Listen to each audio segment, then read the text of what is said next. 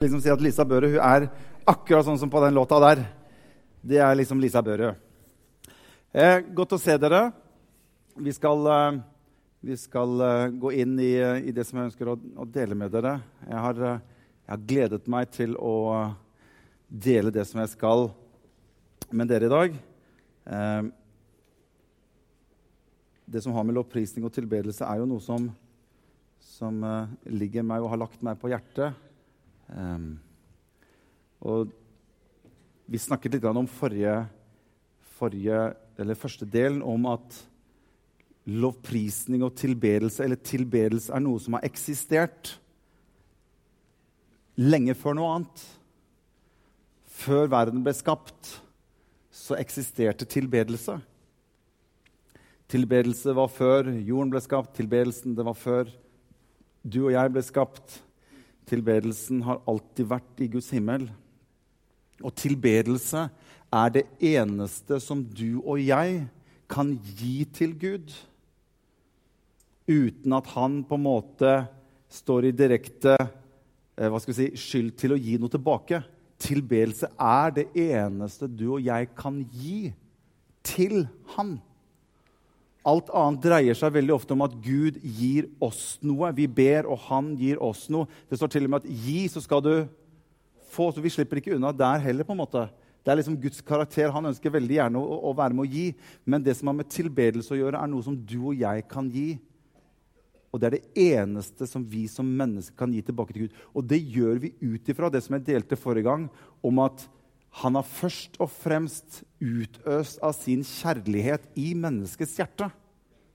Og det er menneskets hjerte at han har utøst sin kjærlighet. Det er den som elsker Gud tilbake.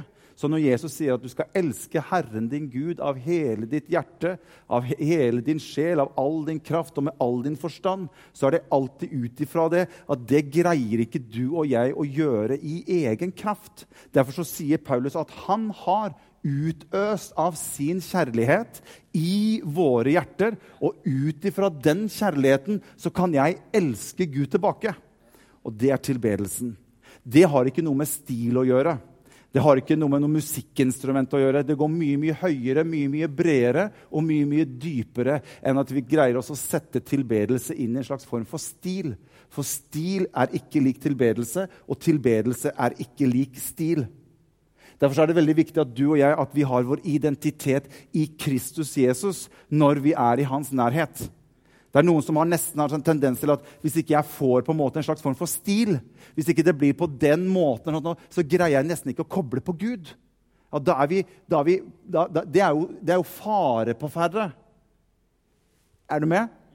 Fordi at tilbedelse har ikke med stil å gjøre. Tilbedelse har med hva han har gjort i mitt hjerte, som går langt utover og dypere enn stil. Og han har lagt sin kjærlighet i mitt hjerte. Og det er ut ifra det at jeg gir tilbake til Gud det.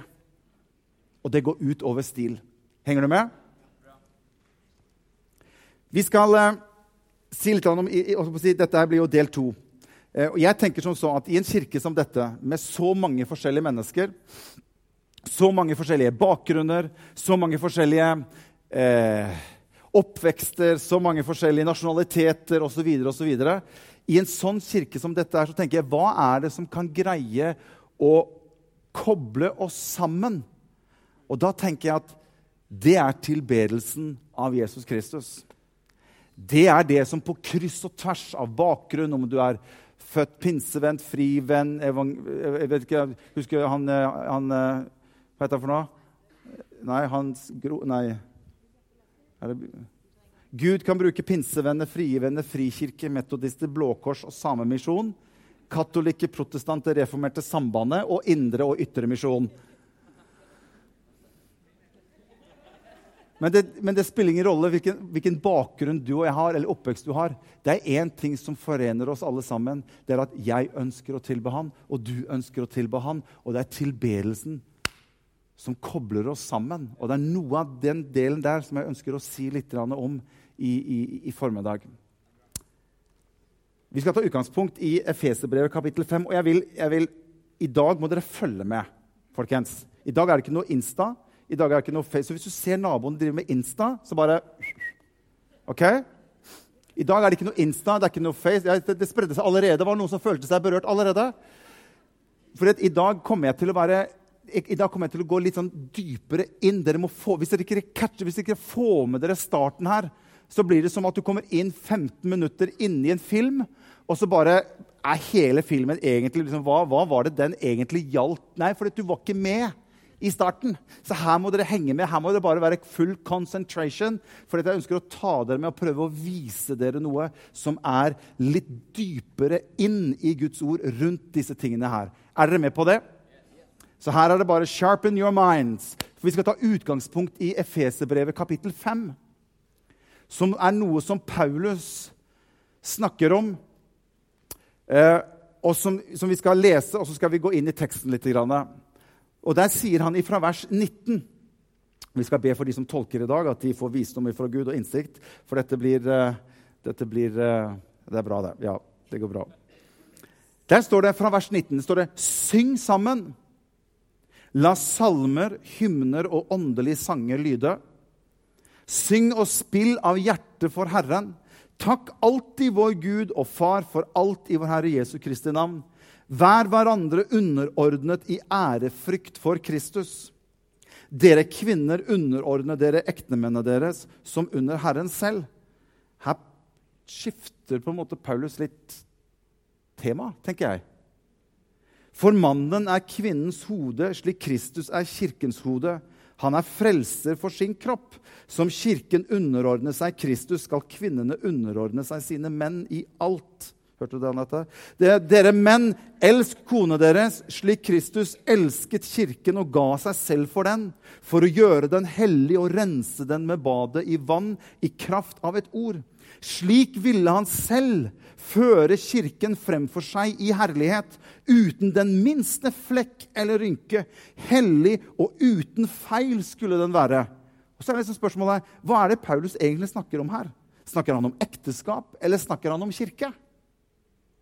Og så står det videre i vers 1.: Derfor, sier Paulus. Så Han sier derfor. Det går ut ifra det han har allerede sagt. Så begynner han, og så kommer han og sier han, derfor, Da må vi ha fulgt med på hva han har sagt til nå. Så sier han derfor skal mannen forlate sin far og sin mor og være knyttet til sin kone. Og de to skal være ett legeme. Og så kommer Paulus til en slags form for konklusjon på det han har vært gjennom. Jeg føler på en måte at Paulus legger masse forskjellige kort oppå bordet her. Han har begynt å snakke om sang og musikk og, og spille og synge til Herren av hjertet. Og så begynner han å snakke om kvinner som skal underholde og menn som skal elske sin kone. Og så begynner han å snakke om Kristus. Det er massevis som Paulus legger på bordet her. Og så begynner han, så kommer han helt til slutt. I vers 32 sier han dette sier han, er et stort mysterium jeg tenker, eller jeg snakker her om Så det han har vært igjennom og snakket om til nå, det er Kristus og Kirken. Så det han har vært igjennom helt ifra han snakket om dette med sang og musikk, dette som har med ekteskap å gjøre, og det som har med Kirken, så sier Paulus altså, det vi snakker om her, det er forholdet mellom Kirken og Kristus. Henger du med? Så sier han dette er et mysterium, sier Paulus. Og jeg tenker at Når Paulus bruker ordet mysterium, da tenker jeg, da er det litt spennende å finne ut hva er det Paulus snakker om når han bruker ordet mysterium. Fordi at Han bruker det ordet mysterium flere ganger når han skriver brevene sine. Fem ganger bruker Paulus dette ordet mysterium. Og det ordet mysterium betyr egentlig noe som er skjult. Noe som enda ikke er åpenbart, noe som enda ikke har vært forstått, noe som enda ikke har vært vist fullt ut. Men så kommer Paulus og så tar han opp dette og sier at dette er et mysterium. det jeg snakker om nå. Så han prøver egentlig å vise at dette som har vært et mysterium nå, det kan dere nå få lov til å begynne å se. Nå begynner dette å bli åpenbart, nå begynner dette å bli synlig, slik at dere kan fatte og forstå hva dette mysteriumet er for noe. Og Det er det som jeg synes er så spennende når Paulus snakker om dette som har med mysterium å gjøre. Så jeg tenker at når vi snakker om dette med, Jeg har lyst til å gå litt inn på dette som har med ekteskap å gjøre. Dette er ikke en undervisning om ekteskap, men jeg har lyst til å ta utgangspunkt i, i det, for det er noe av dette som Paulus bruker i Efeserbrevet når han snakker om forholdet mellom Kristus og menigheten. Så jeg har egentlig lyst til at vi skal gå tilbake til det første ekteskapet som inngås. Da må vi gå tilbake helt til første Mosebok, kapittel 2 og vers 22. Så skal jeg prøve å vise dere noe her. Dere må følge med. Følger dere med? Ja, bra. Oi, det var jo kjempebra. ja! Vi skal gå tilbake til første Mosebok, kapittel 2 og vers 2. Dette er det første bryllupet eller det første ekteskapet som inngås. Og jeg har bare lyst til å prøve å vise dere noe av det som står her. Der står det Herren Gud lot en dyp søvn komme over Adam, og han sov. Da tok han et av ribbena hans og fylte igjen med kjøtt i stedet. Av det ribbeinet som Herren Gud hadde tatt fra Adam, dannet han en kvinne, og han førte henne til Adam. Da sa Adam, 'Dette er endelig bein av mine bein og kjøtt av mitt kjøtt.' Hun skal kalles kvinne, siden hun ble tatt av mannen. Og ser du hva Adam også skriver her? Derfor, sier han, på samme måte som Paulus skriver derfor, så står det også i første Mosebok derfor skal en mann forlate sin far og mor og være knyttet til sin kone, og de skal være ett legeme, står det. Så her handler det et eller annet som går på dette med å forlate noe for å knytte seg til noe og bli ett. Aha. Henger du med? Så det som skjer her, er at Gud setter Adam på jorden. Gud setter til og med Adam til å navngi alle dyr. Det som er Problemet med Adam er at han greier liksom ikke å finne noe som kanskje matcher litt sånn med, med seg sjøl. For, det, for det, det, virker som at Adam han var litt ensom. Og han ser jo det at alle de andre slags dyreslag de finner hverandre. Han ser jo fiskene finner hverandre, og fuglene finner hverandre, og dyrene på land de finner jo hverandre. Og de finner hverandre som make. De finner et fellesskap å ha. Og han syns ikke den apemammaen var så veldig attraktiv. Så han var liksom at nei, det her går ikke. Det er ikke, det er ikke noe for meg. Og det står av at Gud hadde sagt at allting var godt opp til dette punktet at Adam hadde navngitt alle dyr på jorden. Og så står det at Gud så at det var ikke godt for mannen å være alene. står det. Og Derfor lar han en søvn komme over Adam, og han tar noe ut av Adam. Og her, ja, dere må henge med, og her er vi inne på noe av det som Paulus prøver å forklare. At Gud tar noe ut av Adam, og han står der, han former kvinnen med det han tar. Det er, det er forskjell på det å forme, ikke sant? forme mannen. Det var sånn, så vi fant ut det var skvis. Han tok bare jord, skvisa den, blåste liv, og så var det mannen. Men det ordet her, når han tar det ribbeinet ut av Adam og former, da står det han modellerte. Ja, fint. Og alle mannfolket sa ja, ja. Det er et helt, det er helt annet ord enn det som bruktes for når han skulle forme mannen. Det betyr skvise. Mens det ordet her som står om å forme kvinnen, det står om å forme og modellere. Jeg skal ikke gå inn på detalj, men, uh, for vi må, vi må videre i teksten. Poenget er at Gud tar noe fordi at mannen var alene, og han så at det var ikke godt for mannen å være alene. Så tar Gud noe ut av mannen han skaper en kvinne og for å føre kvinnen tilbake til mannen. Og det er nå Adam sier at 'dette er ben av mine ben og kjøtt av mitt Hun kan være min like. Hun kan være min hustru. Henne har jeg lyst til å være sammen med. Og det er i det fellesskapet der at det er mulighet for å skape liv og ha fellesskap og intimitet. Det fins to Adamer i Bibelen. Den første Adam og den siste Adam, som er Jesus Kristus. Og Det er noe av dette som Paulus prøver å beskrive her i Efeserbrevet. For den første Adam det, nå, nå, vi, nå, dykker vi litt nedover. Er dere med? Jeg må bare tenke at jeg er, at jeg er med sjøl her. Ja.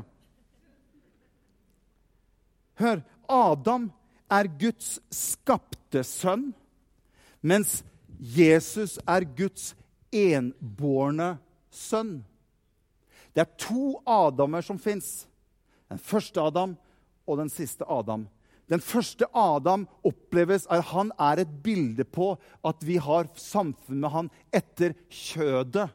Mens den siste Adam, Jesus, har vi fellesskap med etter ånden. Så når Nikodemus kommer til Jesus og sier, 'Hva skal jeg gjøre for å arve evig liv?' så er det som at Jesus sier til Nikodemus, 'Du tilhører fortsatt den første Adam'. Det er bare én måte for deg å komme inn i Guds rike på. For det opererer ikke etter kjøttet, men det opererer på et helt annet nivå. Du må bli født på nytt, Nikodemus. Og når jeg blir født på nytt, så blir jeg koblet til den siste Adam. Ja, fantastisk. Så Jesus, når han Hør her, nå er jeg bare 20 minutter igjen. Når Jesus, når han er på jorden,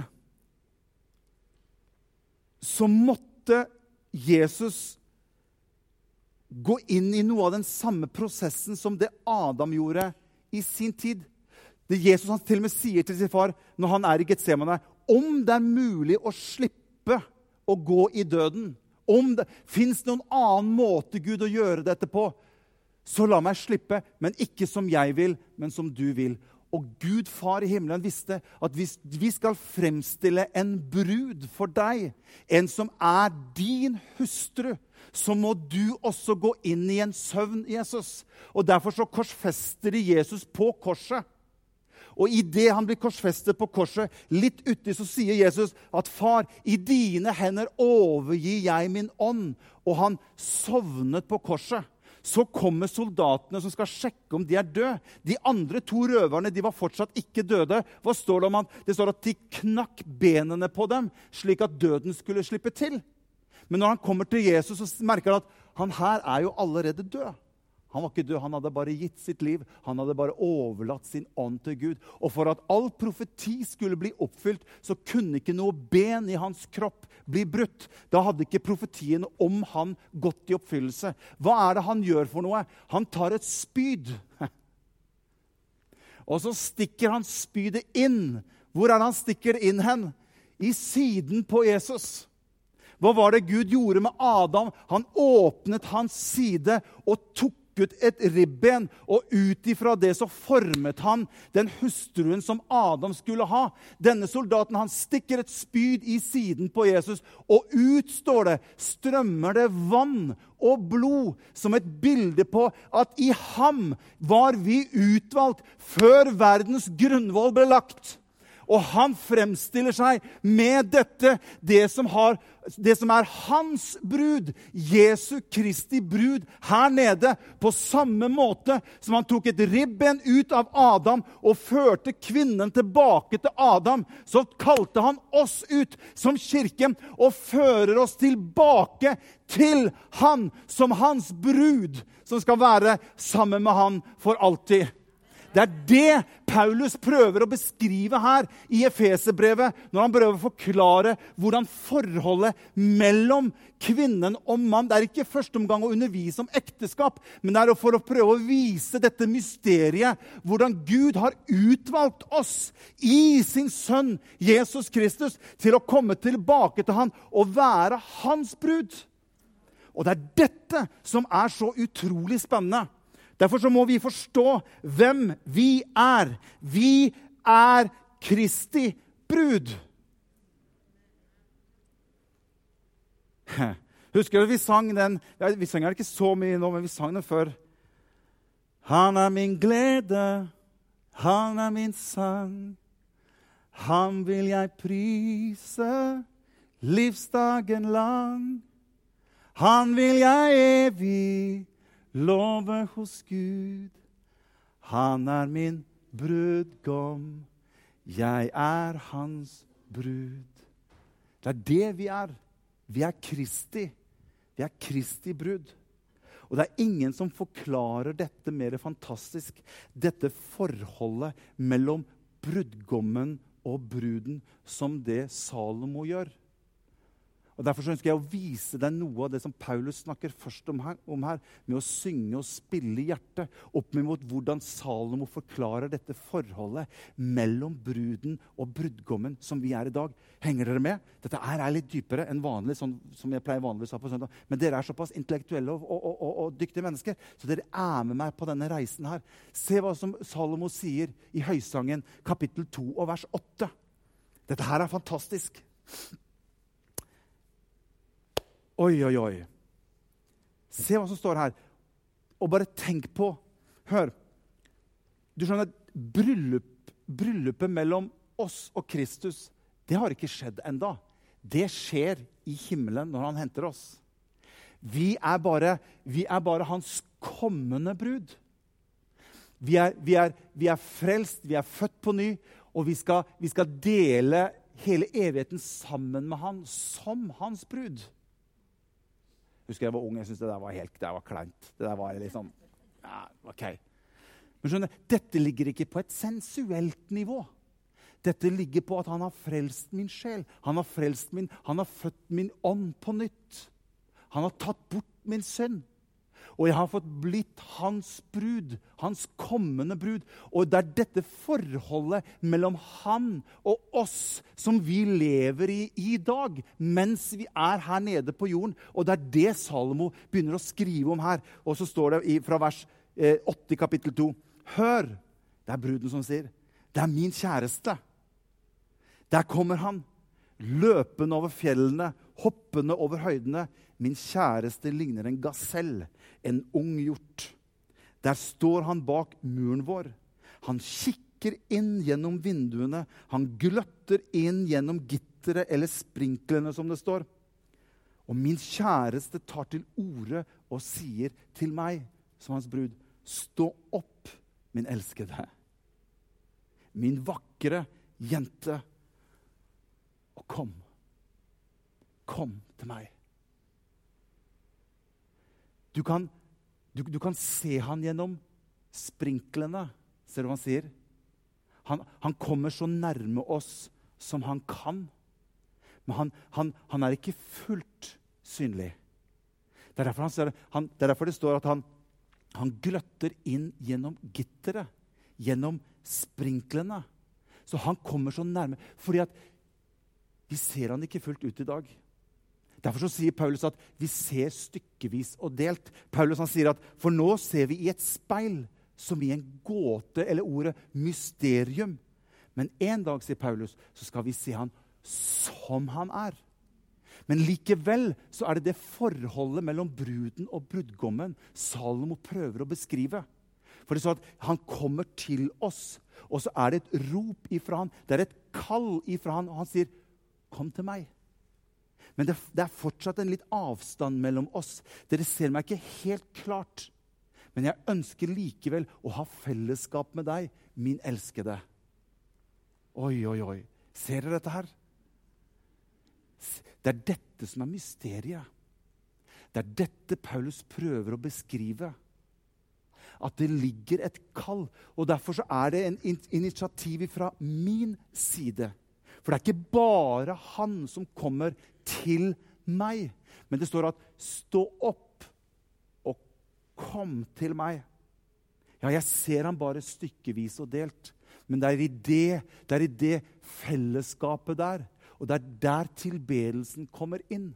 For det er, det, det er i den at elskede møtes med hverandre. For jeg er forelsket i han. Jeg har, jeg har, jeg har begynt å se han. Jeg har begynt å oppleve hvem han er. Jeg har begynt å få en forståelse av hvem Jesus er.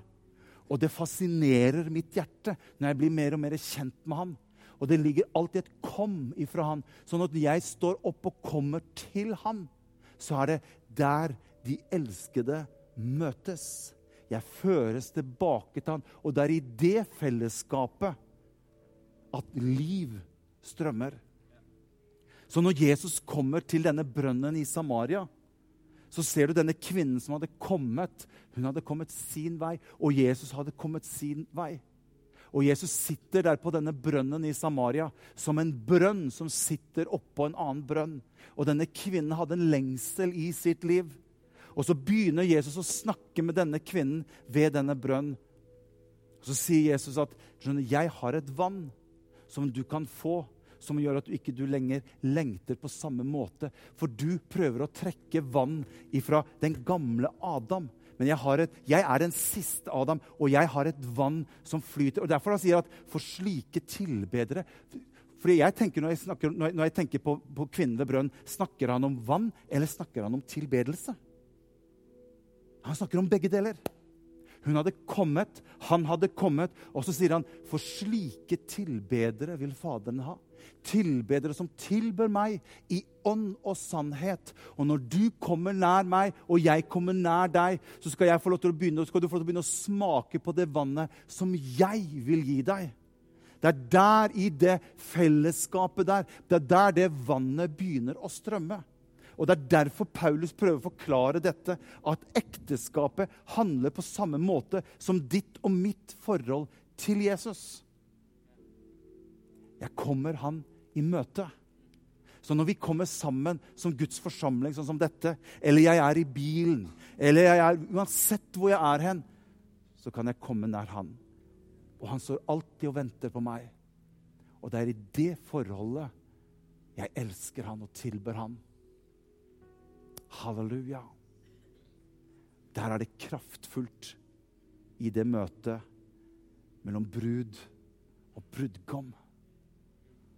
Og Når jeg sitter og, jeg sitter og, og leser på dette og tenker litt på dette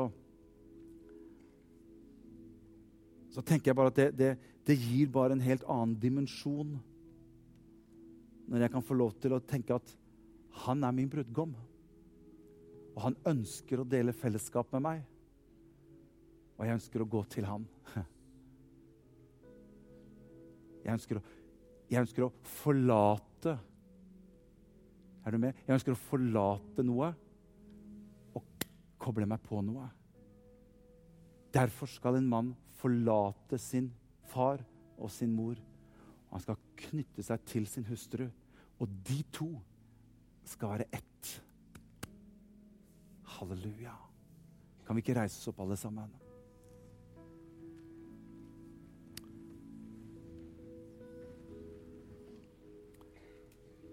Takk, Jesus.